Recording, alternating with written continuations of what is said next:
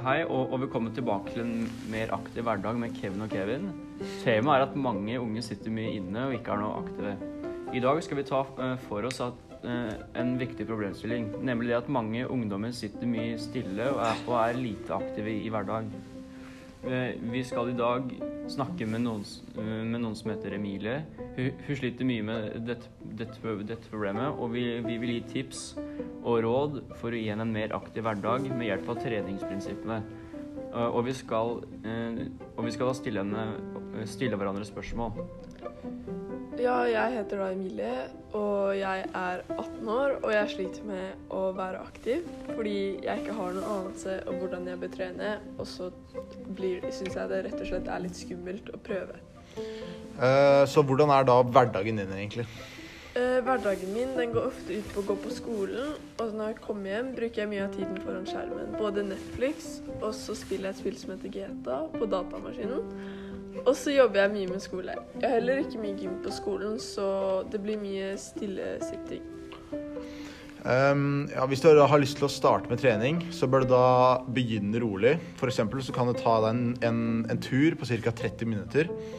Uh, for det er det som eh, er anbefalt av, um, av uh, Helsedirektoratet, uh, og vil da hjelpe deg med å komme i, i bedre form. Etter hvert kan du øke tempoet og starte å jogge og gå, og til slutt kanskje du klarer en hel joggetur. En, en hel runde, da. Eh, du vil merke en progresjon etter hvert. Um, det, går nok eh, sakte i starten, men tempoet vil da øke etter hvert. Interessant. Men eh, eh, hvor mange økter bør jeg egentlig ha i uka? Eh, I starten så bør du begynne med å gå 30 minutter hver dag. Ta, ta gjerne med en venn eller en hund som kan motivere deg. Du kan også ha musikk på øra. Det funker veldig bra for mange og skaper adrenalin i kroppen. Eh, Etter hvert så kan du øke tempoet, f.eks. gå til en stolpe og løpe til neste stolpe. Dette kan du gjøre tre ganger i uka. Du bør ikke ha altfor mye av dette i starten, fordi løping er stor belastning for bl.a. knær, og da, og da er det lett å få skader. Eh, Så man må ta det gradvis og variere underlaget man løper på. Hvis ikke kan man få slitasje. Ja, OK, jeg skjønner. Eh, men eh, skal jeg bare løpe og gå, eller bør jeg trene andre ting også? Altså, du bør trene litt styrke. Eh, blant annet så er kjernemuskulaturen viktig. Det vil da si rygg og mage. Eh, det, er, det er da fordi det kan eh, gjøre løpinga og gåinga bedre. eh, fordi man får en bedre holdning. Og etter hvert da Etter hvert om du vil trene styrketrening med mer vekter, så er det, så er det da viktig med en ster å ha en sterk kjernemuskulatur. Og det er derfor slik at du klarer å løfte og ikke ødelegge rygg og mage. Og da, du, og da har du en bra holdning, da. Ja, OK, skjønner. Men uh, har dere noen tips på hvordan man bør planlegge treninga? For det første så er det viktig å være disiplinert og planlegge treninga ut fra din hverdag ved hjelp av øktplaner, periodeplaner og ukeplaner. Uh, Deretter uh, er for å kunne planlegge treninga ut ifra belastningen, variasjonen og progresjonen. Eh, Det er da lurt å ha en målsetning, og du, og du da setter deg et mål som du kan klare innen én uke, to uker, eh, eller over en litt lengre periode.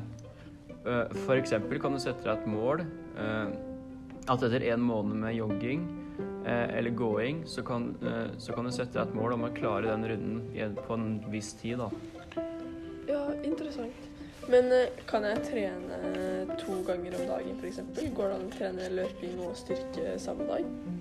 Eh, Ja, det går fint. Eh, For eksempel så kan du Eller om du kjører en rolig En rolig, mm, en, en rolig løpetur først, da. Eh, Og så kan du ta en, en styrkeøkt etterpå, Fordi da da er du mer varm. Eh, Du får også en god variasjon i treninga, og du varierer belastninga.